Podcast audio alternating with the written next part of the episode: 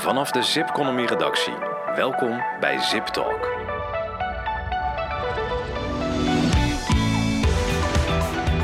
Een hele goede dag en welkom bij Zip Talk, de podcast van Zipconomy. Mijn naam is uh, Narade Bouwland en ik word vandaag bijgestaan door Hugo-Jan Rits. Goedemorgen Hugo-Jan. Goedemorgen. We hebben vandaag ook een gast, dat is uh, Thijs Maters, uh, salesdirecteur bij Harvey Nash. Goedemorgen. Goedemorgen.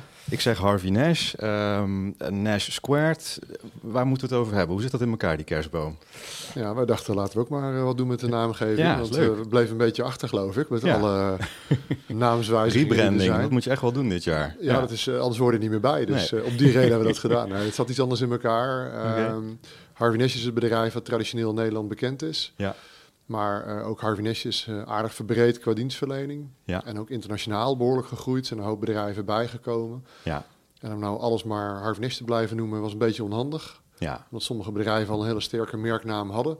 ja. Uh, dus het eh, moederbedrijf heet Nash Squared. Oké. En daaronder vallen een hele hoop andere vormen van dienstverlening Ja, met eigen namen. En een heel goed voorbeeld is bijvoorbeeld, we hebben het Flexhuis overgenomen. Ja.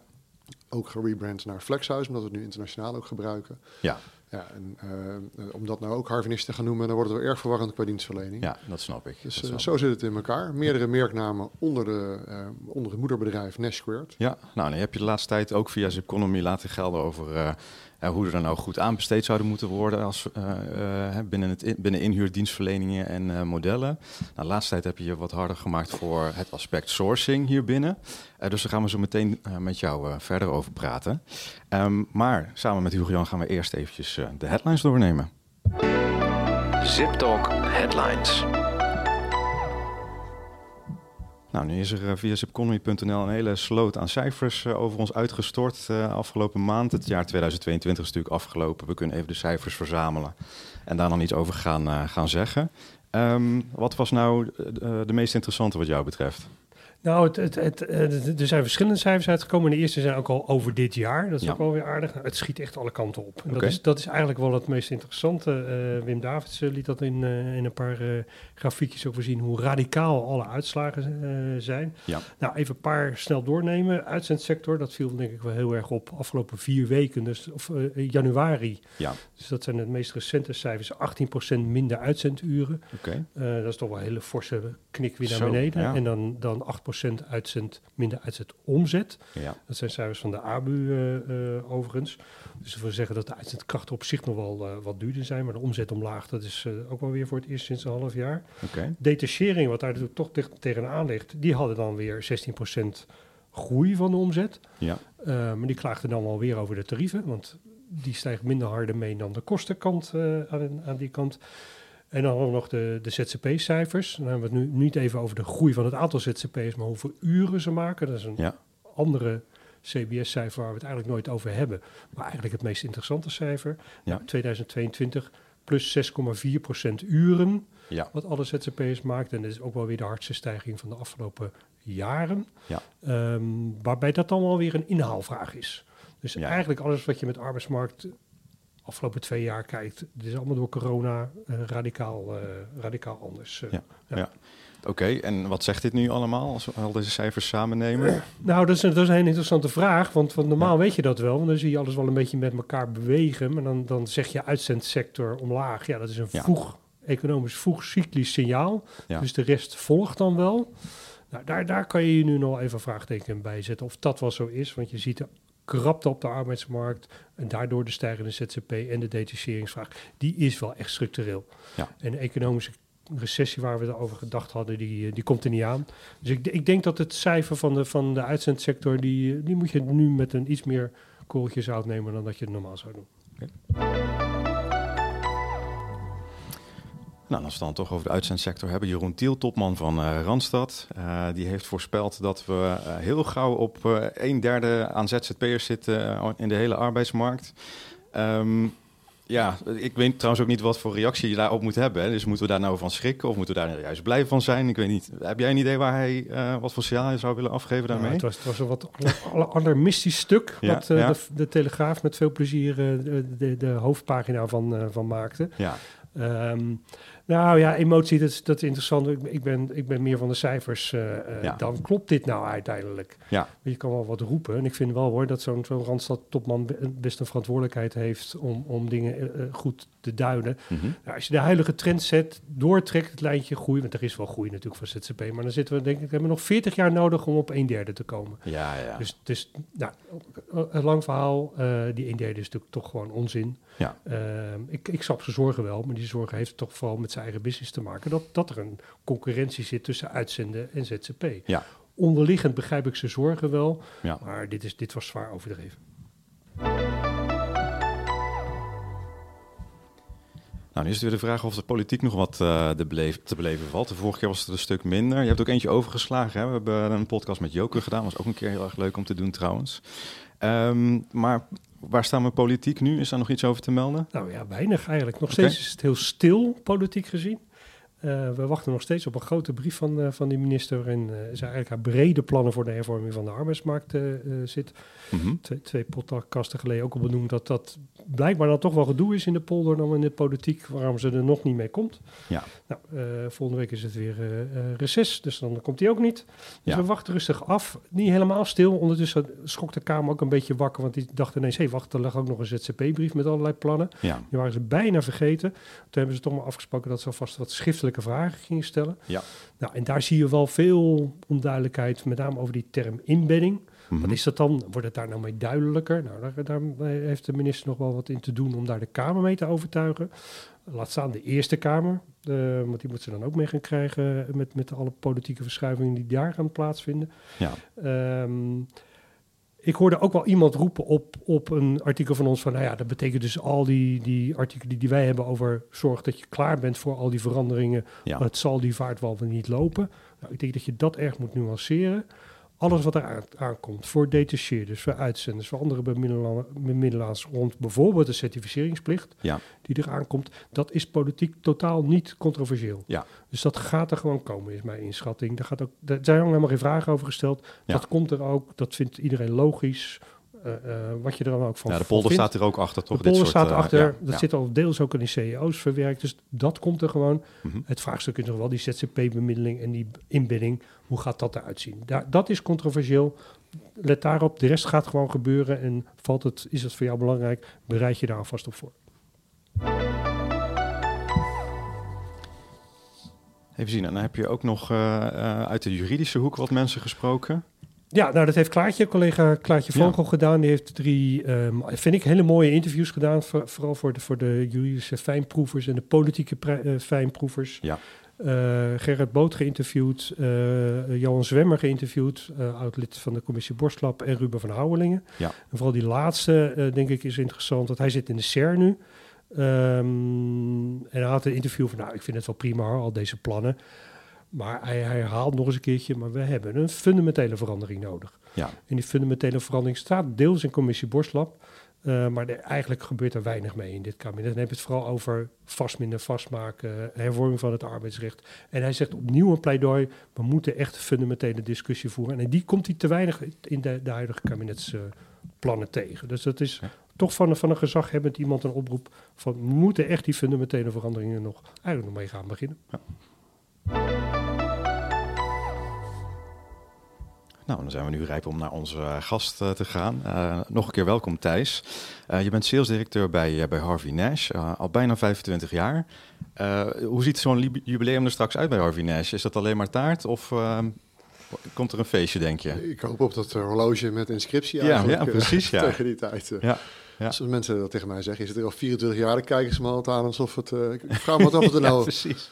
bewondering is of dat het nou medelijden is. Ja, Voor het- ja, Ik maak ook altijd dezelfde grap als ik bij een klant aan tafel zit. Zeg, ja, weet je, ik werk in de flexbranche, maar ik ben zelf misschien niet het beste voorbeeld van iemand die redelijk flexibel van opdrachtgever naar opdrachtgever gaat. ja, ja. Ja, ik, ja, ik zit er al heel lang, maar de ontwikkeling van Harvey Nash is van een heel klein bedrijf naar een best wel eh, groot bedrijf in zijn soort ja. op dit moment. En eh, ja, daar heb ik eh, enorm aan mee mogen helpen. En die groei zien met alle nieuwe dynamieken die er zijn en de groeiend aantal mensen, de professionalisering van processen, Ja. maar ook de veranderingen die de markt met zich meeneemt. Ja. Ja, ik verveel me niet. Ik kan ondernemen binnen het bedrijf waar ik werk. Ik voel me wel ondernemer. ja. Ik heb vrij, vrij veel vrijheid om invulling te geven aan mijn eigen vakgebied. Ja. Nou, dat vind ik leuk om te doen. En dat is heel uiteenlopend. Of dat nou de seminars zijn die we organiseren, Ja.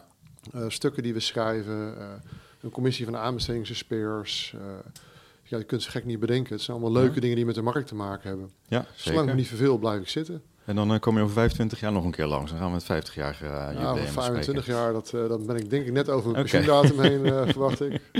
Ja. Alhoewel, mijn vader werkte tot zijn 72ste door, dus het zou theoretisch kom ik er dan in de richting. Maar ja, ja, ja. Ik wou het niet zo lang, eh, zo lang maken, Oké, maar in ieder geval toch al, eh, toch al gefeliciteerd. Ehm, we gaan het hebben over sourcing. Ehm, ja, misschien moeten we even beginnen met eh, wat het is en waarom jij dat nu zo belangrijk wil maken. Nou, niet zozeer belangrijk wil maken. Het is Ja. ook een beetje een, een uitvloeisel van een paar ronde tafeldiscussies die er geweest zijn. Georganiseerd vanuit de BOVIP, de brancheorganisatie voor intermediairs en brokers. Ja.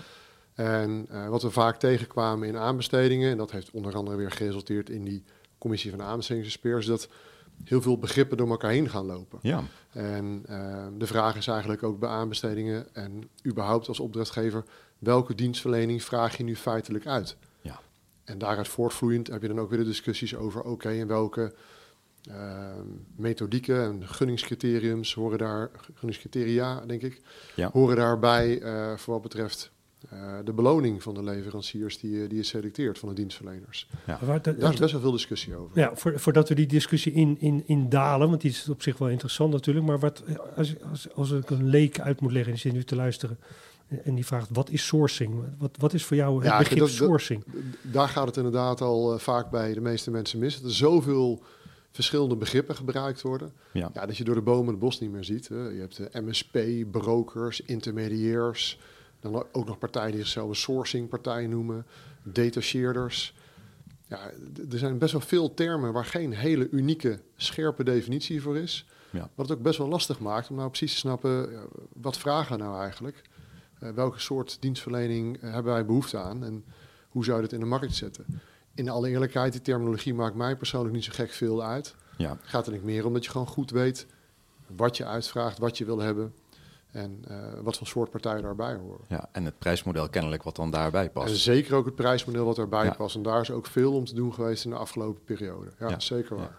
En daar, daar ga ik je toch uitdagen om, om een definitie van sourcing te geven. Ehm, laat, laat, laat, laat- Ja, ja? Ik, nou, ik, ik probeer het misschien met een beetje analogieën. Volgens mij hadden we het Ja. hier eh, vlak voor de podcast nog over. Ja. Eh, ik denk dat als je eh, kijkt naar sourcing, dat is voor mij mensen die echt actief zoeken. Dus die kandidaten in de markt benaderen, maar op een hele actieve manier en er echt zelf mee bezig zijn. Misschien even het verschil, want kijk, een, een, een recruiter bijvoorbeeld, hè, of een sourcer, dat is geen vastgelegd beroep. Hè, zoals bijvoorbeeld een arts dat wel is, hè, of een eh, fysiotherapeut of een architect. Ja. Dat is een vastgelegd beroep. Daar moet je een opleiding voor gehad hebben en dan mag je dat beroep gaan uitoefenen. Ja, bij recruiter niet. Dus heel veel mensen die eh, roepen, ja, ik ben recruiter of ik, ik werk op de recruitmentafdeling. Mhm. Maar het verschil tussen daadwerkelijk zelf kandidaten zoeken en vinden versus een procesbegeleider waarbij er leveranciers zijn die die kandidaten voor je vinden, daar zit best wel veel verschil tussen. Misschien als analogie, eh, als je aan eh, degene vraagt bij de Albert Heijn die daar bij de bakkerijafdeling staat, wat doe je? Ja, ik ben met brood bezig. Ik stop brood in de oven hè, en eh, ik werk bij de bakkerij eigenlijk eh, Ja. van, eh, van, van de lokale Albert Heijn vestiging.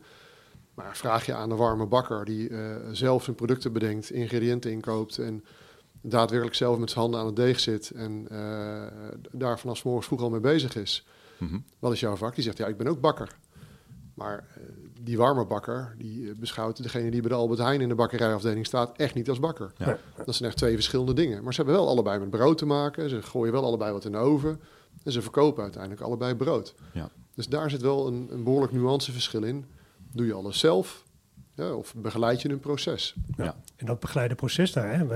dat, dat sourcing hebben de, de luisteraars denk ik nu een beeld Ja. bij. Mensen die echt heel actief, zelf met kandidaten, zelf zoeken, zelf selecteren, shortlist maken. En dan een MSP. Ja, ik denk dat eh, wat je nu ook va- vaak ziet bij aanbestedingen... is dat er bij een MSP-aanbesteding ook gevraagd wordt van... hoe ontsluit je die markt en hoe vind je die kandidaten? En dan denk ik bij mezelf, ja, traditioneel is dat volgens mij niet de rol van de MSP. Mhm. Zij geven aan, wij zoeken kandidaten, maar dat zoeken bestaat dan uit het begeleiden van het proces. Dus die aanvragen worden uitgezet, eventueel via een marktplaats of via preferred suppliers, whatever. Ja, Die worden uitgezet bij andere partijen. En die andere partijen gaan daadwerkelijk op zoek naar kandidaten, als het ZZP'ers betreft, of naar kandidaten die bij hun in dienst zijn. Dat kan natuurlijk ook naar de detacheerders. Maar die, dat zijn de partijen die daadwerkelijk de kandidaten aandragen. Maar een Ja. MSP-partij, traditioneel gesproken niet. Nee, maar, vanuit een, eh, maar vanuit een inhurende organisatie is dat wel, eh, als, op het moment dat zij een behoeftestelling hebben en zij geven dat dan door aan een MSP, dan begint wel, als ik een inhurende organisatie zou zijn, is het, vanaf daar begint het sourcen. Ja. Maar dan zou jij zeggen dat, dat dat stukje procesbewaking, dat zou je anders moeten noemen eigenlijk. Nou, kijk, ik vind het prima om het MSP te noemen. Ik denk Ja. dat de MSP echt een regierol heeft op Ja. het proces. Die begeleiden een proces. Mhm. Dus dat zijn inderdaad de mensen die misschien dingen uit de overhalen bij de Albert Heijn en daar in een verpakking stoppen en, en verkopen. Ja, Eh, ik denk wel dat als je het hebt over het zoeken naar kandidaten, het feitelijke bakken, zeg maar. Ja.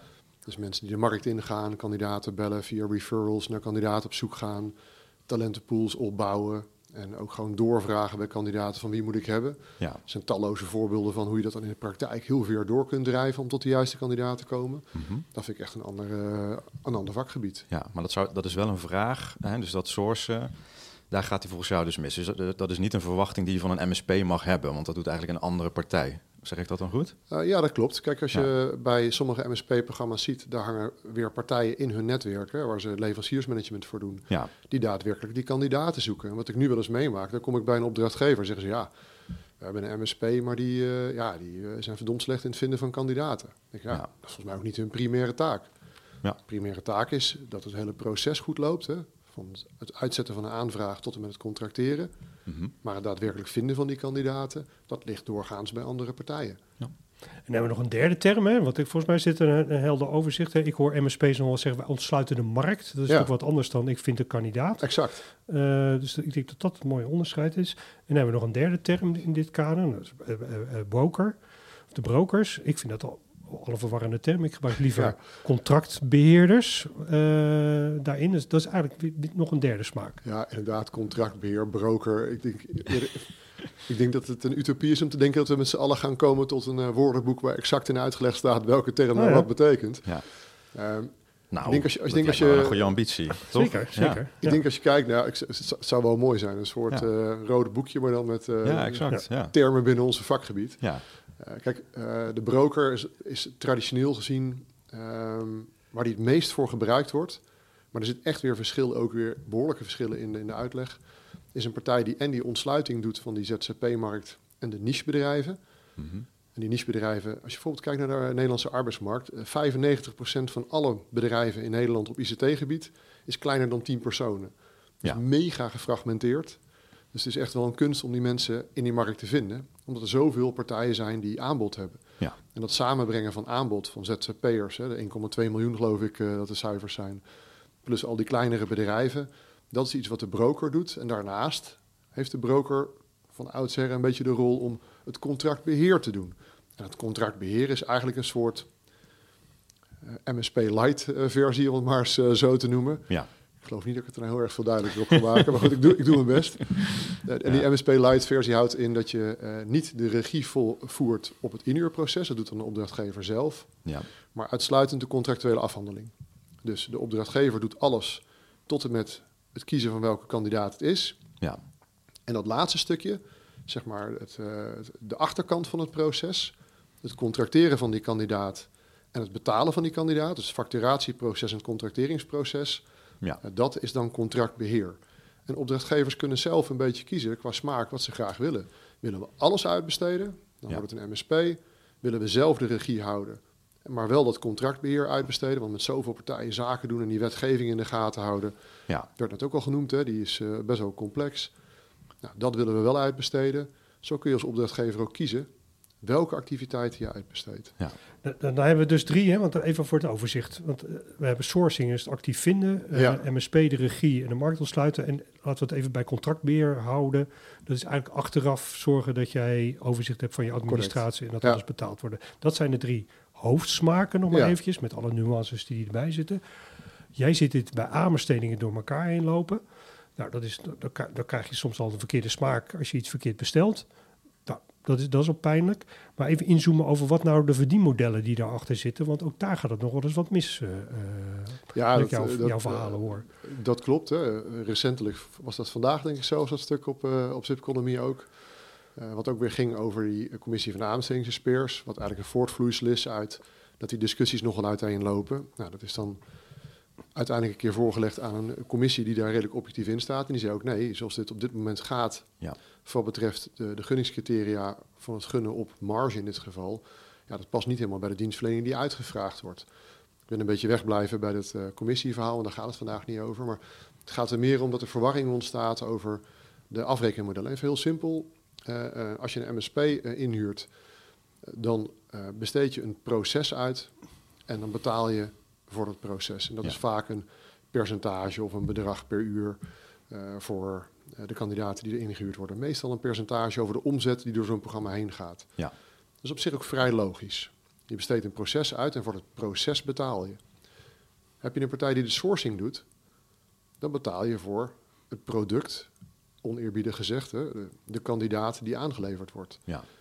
Dan is eigenlijk het eindtarief van die kandidaat belangrijk. Want bij een MSP is veel minder invloed op de prijs van de kandidaat, het uurtarief van de kandidaat. Mhm. Dat ligt vaak vast. Maar als sourcingspartij, waarbij je zelf de keuze hebt welke kandidaat zoek ik, waar zoek ik ze, de onderhandelingen doet over de tarieven, daar is het eindtarief veel, veel meer van belang. Ja. Een veel belangrijkere component. Nou, daar gaat de discussie vaak over. En wat je nu wel eens ziet is dat er een MSP-prijs betaald wordt voor sourcingsactiviteiten of dat er een, uh, ja, of andersom zou het theoretisch ook nog kunnen. Ja. En dan heb je de, de, de, het contractbeheer is weer wat anders. Dat is, dat is vaak weer een, een, een kleiner bedrag. Maar ja, goed, je doet er ook feitelijk natuurlijk veel minder voor, want het is een administratief proces. Klopt. En, um... Contractbeheer is feitelijk een onderdeel van wat normaal gesproken een MSP doet. Maar dan alleen de achterkant van het proces. Dus alleen de contractering en de facturatie. En de MSP doet ook de voorkant. Wat bedoel ik met de voorkant? Dat is het contact zijn naar de inhurende managers toe, de aanvragen ontvangen. Ja. Ook intern in de systemen van de opdrachtgever zetten. Het leveranciersmanagement uh, doen van die leveranciers. Het VMS heel vaak, hè, komt er nog bij kijken. Dus het vendor management systeem. Dat ze de onderliggende tooling ook implementeren en beheren. Dus daar zit ook de hele voorkant van het, systeem, van het uh, proces vaak bij. Ja. En daarom is het over het algemeen zo dat bij contractbeheer de fees wat lager liggen omdat het ook maar de helft van het hele proces is. Ja, en daar, daar gaat het ook bij aanbestedingen dan wel eens mis, als ik jou, jou begrijp. Want dan, dan, dan hebben ze iets gehoord en dan is het contractbeheer en dat is relatief goedkoop. Ja. En dan, dan denken ze, oh, maar dat is de hele MSP-dienstverlening. Dus, maar ze hebben een ander bedrag in hun hoofd. Dat, dat is wat er misgaat. Maar wat denk ik nog interessanter is, is ik vind het een mooie, mooie omschrijving die je maakt van het, ja, het is of een proces of een product. En dat is het verschil tussen sourcing en MSP. En, en, en, waarom, kun je toch even wat dieper uitleggen, is dan sourcing heeft dat dan, zou dat een ander prijsmodel moeten nou, hebben? Ik, ik, kan de vraag eens anders formuleren. Eh, het grappige is dat als er gegund wordt op marge, hè, zoals dat normaal gesproken gebeurt bij MSP, waarbij dus betaald voor de dienstverlening en bij contractbeheer ook. Want bij contractbeheer gaat het proces eigenlijk als volgt. Uh, jij wordt ingehuurd, uh, Hugo Jan. Uh, je hebt een tarief afgesproken. dat tarief is al akkoord. Daarna komt het pas bij de contractbeheerder uit. En die weet dan, oké, 90 euro per uur, dat staat al vast. En de kandidaat staat ook al vast, en dat ben jij. Het enige wat de contractbeheerder doet, is contract afhandelen en de facturatie. Dus dat is een proces wat er beheerd wordt. Een soort business process outsourcing. Ja. Ik heb een bloedhekel aan die Engelse termen, maar ik kan niks beters in het Nederlands zinnen. Dus het is het uitbesteden van een proces. En daar vraag je een bedrag per uur voor. Zo simpel is het. Een vast bedrag per uur, omdat de werkzaamheden altijd hetzelfde zijn. Ja, of je dan 90 euro kost of, of, of 40 euro. De afhandeling is exact hetzelfde. Ja. Uh, het, het, daar zit niet zo heel veel verschil tussen. Dus ik denk dat daar wel een, een, weer een vorm is van een proces wat uh, uitbesteed wordt. Maar als je nou kijkt naar producten die wij met z'n drieën uh, kopen, hoe vaak komt het voor in de praktijk als je een product koopt, dat je niet vraagt wat kost het product, maar dat je vraagt aan degene die het product verkoopt, wat is jouw marge? Ik heb als consument het nog nooit, van me, nog nooit uh, een situatie gehad waarbij ik aan de leverancier gevraagd heb, ah, ik hoef niet te weten wat het me kost, wat mijn out-of-pocket kosten zijn. Hè. Ja. Weer een mooie Engelse kreet, maar ik wil gewoon graag weten wat jij eraan verdient. Ja. Dat vind ik belangrijker dan dat ik weet wat ik betaal. Nou, dat is een beetje de discussie die vaak uh, voorkwam. En dat is eigenlijk weer van toepassing op sourcing. Daar koop je een product waarbij de, het eindtarief helemaal nog niet vaststaat. Want ik kan jou inhuren, maar ik zou ook jou in kunnen huren. En dan ga ik in onderhandeling over de tarieven. En misschien vind ik wel iemand in het buitenland die ik in Nederland in zou kunnen zetten, die Ja. daarom goedkoper is, omdat hij uit een land komt waar de, loon, eh, de lonen wat lager liggen. Dus je hebt daar heel veel mogelijkheden om het eindtarief te beïnvloeden. Dat heb je als MSP of als contractbeheerder zeker, heb je dat veel minder. Ja. En dan is het ook wel logisch om af te rekenen op het eindtarief. Wat betaal ik als opdrachtgever? En dat is de hele discussie in de overheid, noemen ze dat een MV, economisch meest voordelige inschrijving. Ja. Wat bewaakt dat de belastingbetaler de beste kwaliteit krijgt voor het geld wat hij betaalt via zijn belastingen.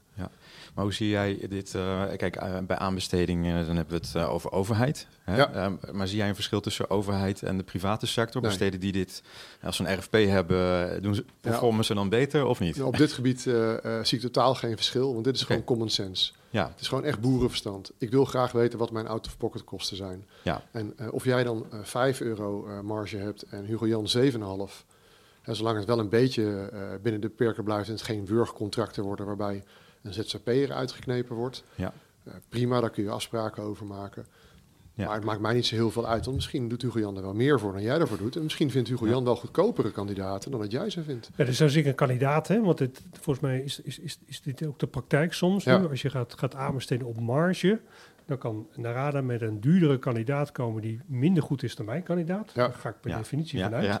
Eh, eh, maar dat mijn kandidaat het niet wordt, omdat ik er toevallig wat meer verdien, maar uiteindelijk betaal je meer. Ja, ja, Ja. Ik, ik, bedoel, ik heb eh, twee jaar geleden eh, een huis laten eh, bouwen. Eh, ik heb de aannemer niet uitgezocht op eh, ehm, eh, zijn marge.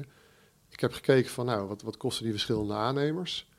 En misschien heeft deze aannemer wel een hogere marge, maar misschien koopt hij zijn stucadoors en zijn producten en eh, alles wat hij met het huis Ja. doet. Hij heeft eh, een prefab muren die goedkoper zijn waarschijnlijk dan dat die muren ergens anders gemaakt worden. Ja, wat ja, ergens in een land gemaakt wordt waar het weer goedkoop is.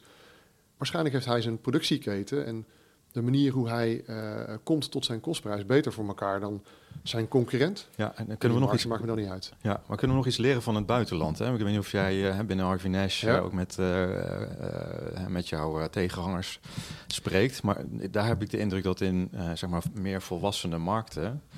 die de, de wijze van aanbesteden en RFP's ook veel fijnmaziger is... en er ook veel meer naar kwaliteitstoevoeging wordt gekeken... dan zoals we nu in Nederland ernaar kijken. Ja, je, ko- je komt dit toch wel eh, eh, frequent tegen nog steeds. Ook wel in het buitenland ook wel. Dus die lopen ook wel tegen soortgelijke problematiek aan. Ja, Ehm, sterker nog, ik denk dat we in Nederland juist wat voorlopen nog op eh, sommige andere landen. Ja. Anglo-Saxische landen, Engeland, Amerika lopen vaak weer wat voor op ons. Nederland zit daar kort achteraan omdat we een grote flexindustrie hebben. Mhm. Maar ik zie het ook in landen als België en Duitsland terugkomen. Dezelfde soort discussie. Ja, dan hebben wij eind vorig jaar een onderzoek gedaan over wat dan de trends, ren- trends rond externe inhuur zijn voor dit jaar en vorig jaar. Ehm, nou, dat hebben we met, ook met, met, met steun eh van jullie gedaan eh, met Harvey Nash. En Ja. gepresenteerd op jullie eh, mooie seminar destijds. Misschien toch even terughaken hoe actueel hè, deze discussie die we nu net gehad hebben is. Ik lees in die cijfers heel erg dat er organisaties veel meer gaan willen gaan direct sourcen. Ja, Ehm, dus meer, meer zelf de regie. eh, eh, dan moet je ook wel weten dan welke smaken je dan nog steeds wil gaan kiezen, lijkt mij. Ehm, misschien kan je daar nog even wat over zeggen. En het tweede ehm, is dat er ook wel een forse stijging is van eh, statement of work ja. in deze. ja hoe, hoe, hoe, haakt dat, hoe raakt dat de vorige discussie? Het zijn eh? twee verschillende discussies. Ja? Statement of work, om daarmee te beginnen, vind ik altijd wel een leuke.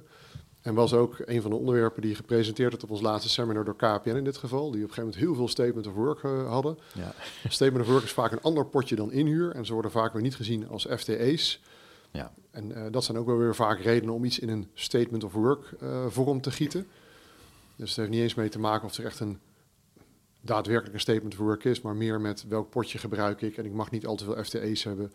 En op die Ja. manier, en dan zie je heel veel verkapte inhuur, die op basis van een project eigenlijk ingehuurd worden, waarbij je echt afvraagt, ja maar wacht even, eh, hij houdt wel zijn uren bij, hij heeft een pasje, hij heeft toegang tot de systemen. Ehm, in hoeverre wijkt het nou eigenlijk af van degene die naast hem zit en soortgelijke werkzaamheden doet? ja. Nou, er zit Ja. niet zoveel verschil tussen. Dus het wordt wel vaak een beetje gebruikt om Nou, de inhuurders te vermijden. inhuur eh, te omzeilen en eh, op een ander proces in te huren. Ja. Niet altijd. Sommige dingen zijn echt een project. Maar ik vind dat je daar als opdrachtgever wel gewoon scherpe definities voor neer moet leggen.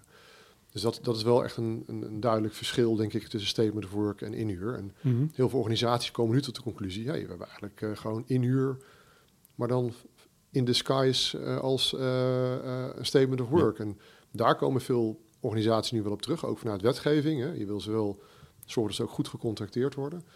Waarbij die populaties nu ook weer eh, ehm, toch wel weer onder inhuur komen te hangen. Nou, dan is de vraag over het direct zelf doen of eh, uitbesteden. Dat direct sourcing of niet. Ehm, nou ben ik een dienstverlener en ik eh, eh, verkoop MSP en ik verkoop eh, eh, contractbeheer en sourcing vanuit die verschillende labels waar we het eerder over hadden. Maar ja, het is gewoon heel simpel. Iedere opdrachtgever moet zelf zijn keuze maken. Doe ik iets zelf of besteed ik het uit? Maar dat geldt niet alleen voor onze dienstverlening. Dat geldt ook voor het secretariaat. Dat geldt ook voor hun catering. Dat geldt ook voor hun beveiliging of hun, het, het lappen van hun ramen. Bij alles stel je jezelf de vraag: is het een kernactiviteit waarvan ik denk dat ik het goedkoper en net zo goed zelf kan doen als een externe partij? Of kan het goedkoper via een externe partij of kan het beter via een externe partij? Eh, ik, ik, ik ken bedrijven die hebben een fantastisch goede eigen inhuurdesk. Nou, Ja. ik denk ik van nou, die eh, doen het net zo goed als dat een gemiddelde MSP het eh, doet. Maar bij heel veel andere bedrijven, omdat het niet hun core business is en bij een MSP-partij wel hun core business is om dat proces te managen en daar veel ervaring mee hebben, die zijn ertoe beter in staat om dat proces uit te voeren dan dat een opdrachtgever dat zelf zou kunnen. Maar die keuze is altijd een opdrachtgever zelf. Wat krijg ik ervoor terug versus wat betaal ik ervoor? En wa- En wat is dan voor direct sourcing? Hè? Want ik zie dat vooral ook in de Amerikaanse vakliteratuur eh, is dat ongeveer het buzzword van de afgelopen Ja. jaren. En dan ga ik me ook wel weer de vraag stellen, wat bedoelen we er hier nou eigenlijk mee? Eh, en ook dat wordt wel verschillend uitgelegd, toch? Ja, dat is ook wel weer grappig, want je hebt ook weer direct sourcing via Ja. partijen zoals ons. Ja. Eh, om, om dat als voorbeeld aan te halen. Wij zijn de partij die de direct sourcing doen voor Meta, dat is een moederbedrijf van eh, Facebook en Instagram. Maar dan werven wij uit de naam van Meta. En alle kandidaten die we vinden worden opgebouwd in talentpools van Meta zelf. In systemen die zij ook zelf beheren, waar ze zelf toegang toe hebben. Dus zelfs de term direct sourcing betekent lang niet in alle gevallen dat een opdrachtgever het volledig zelf doet. Het kan nog steeds betekenen dat een externe partij voor jou de direct sourcing doet, maar dat direct slaat dan op uit jouw naam. Ja. Waarbij jij als opdrachtgever Ja, oké. ook als interessante opdrachtgever Ja. in de markt gezet wordt. Direct sourcing, zoals jij het ook, eh, denk ik, eh, bedoelt, is dat opdrachtgevers zelf die sourcing doen. En zelf actief in charge willen blijven met het inhuren van kandidaten. Ja. Ja, dat is leuk, maar als jij een middelgroot bedrijf in Nederland bent en je moet zelf die talentpools gaan eh, maken, zelf recruiters eh, in gaan huren, die pools opbouwen inderdaad, zelf de systemen ervoor aan moet schaffen, ja, dan wordt het wel vaak heel veel werk, wat niet je core business is. Ja. Waarbij je af moet vragen, kan het niet beter en goedkoper via een externe partij? Ja, zeker in de, in, in de hele schaarse arbeidsmarkt. Want dat is natuurlijk toch, vond ik wel opvallend, dat, dat je ziet het opkomen. Overigens Ja. inderdaad in verschillende vormen. Want Ja, meer gebruik maken van je eigen merknaam is op zich denk ik best heel logisch als, als je ja groot kan, eh, hebt. kan zeker logisch zijn. Nou, ja. dan kan je het nog steeds on- onder, onder eh, de oppervlakte met een externe partij doen.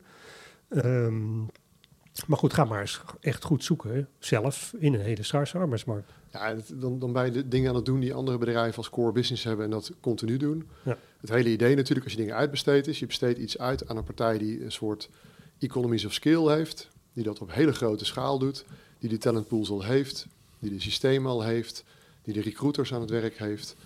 Ja, waardoor je gebruik maakt van de schaalvoordelen van een bedrijf die dat eh, dagdagelijks doet. Ja. Nou, dat is een hele simpele uitleg natuurlijk van doe je het zelf of doet iemand anders het. Ja. Ja, volgens mij zijn we een, beetje aan het einde. Heel heel daar uitleg eh, overigens van je thuis. Eh, goed de verschillen snappen. Goed zien hoe verschillende dingen overlopen in elkaar. En als je een deel zelf gaat doen en een deel uitbesteden... dan nog wel weten hoe je wat noemt wat je uitbesteedt... en wat de prijsmodellen daarachter zijn. Eh, fijn. Toch nog heel even, jullie eh, eh, flexhuis meegenomen. Dus in die verschillende smaken die er zijn... ondertussen bieden jullie ze zelf ook alle, alle smaken aan, zo ongeveer, toch? Ja, dat klopt. Kijk, Ja. Je wil gewoon ook mee met de ontwikkelingen die er in de markt zijn. En MSP is gewoon een belangrijke vorm van dienstverlening op ons vakgebied. Het was bij ons een beetje ja, de, het, eh, de, missing link die we nog hadden. We werden vaak gevraagd of wij vanuit het contractbeheer wat we deden... ook de voorkant van het proces wilden gaan doen, zoals straks beschreven. Nou, daar hadden we niet echt een antwoord op. En dan kun je denken van, nou, gaan we dat zelf opbouwen? Of pakken we een partij die dat al bewezen heeft in de markt Ja. en gewoon heel erg goed kan? Dat laatste is het geworden. We zijn onwijs blij.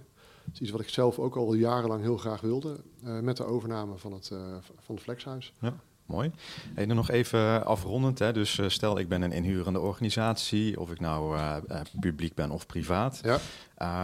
Wat, is- wat is nou mijn eerstvolgende stap? Hè? Ik, ik, van alles wat ik nu heb gehoord, denk ik, ja, daar zitten wel dingen in die hebben bij ons, of die zijn bij ons ook van toepassing.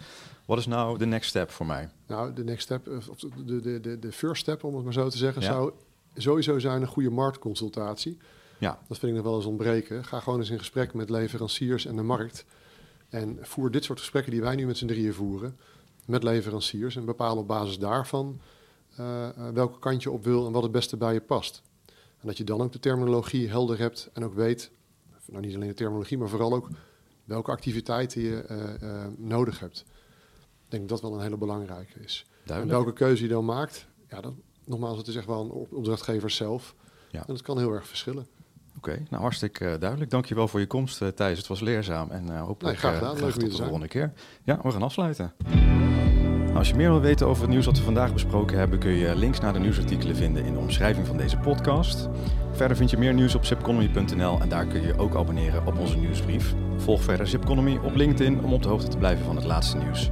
En vergeet je niet te abonneren op deze podcast bij Spotify en Apple Podcast. Bedankt voor het luisteren en graag tot de volgende keer.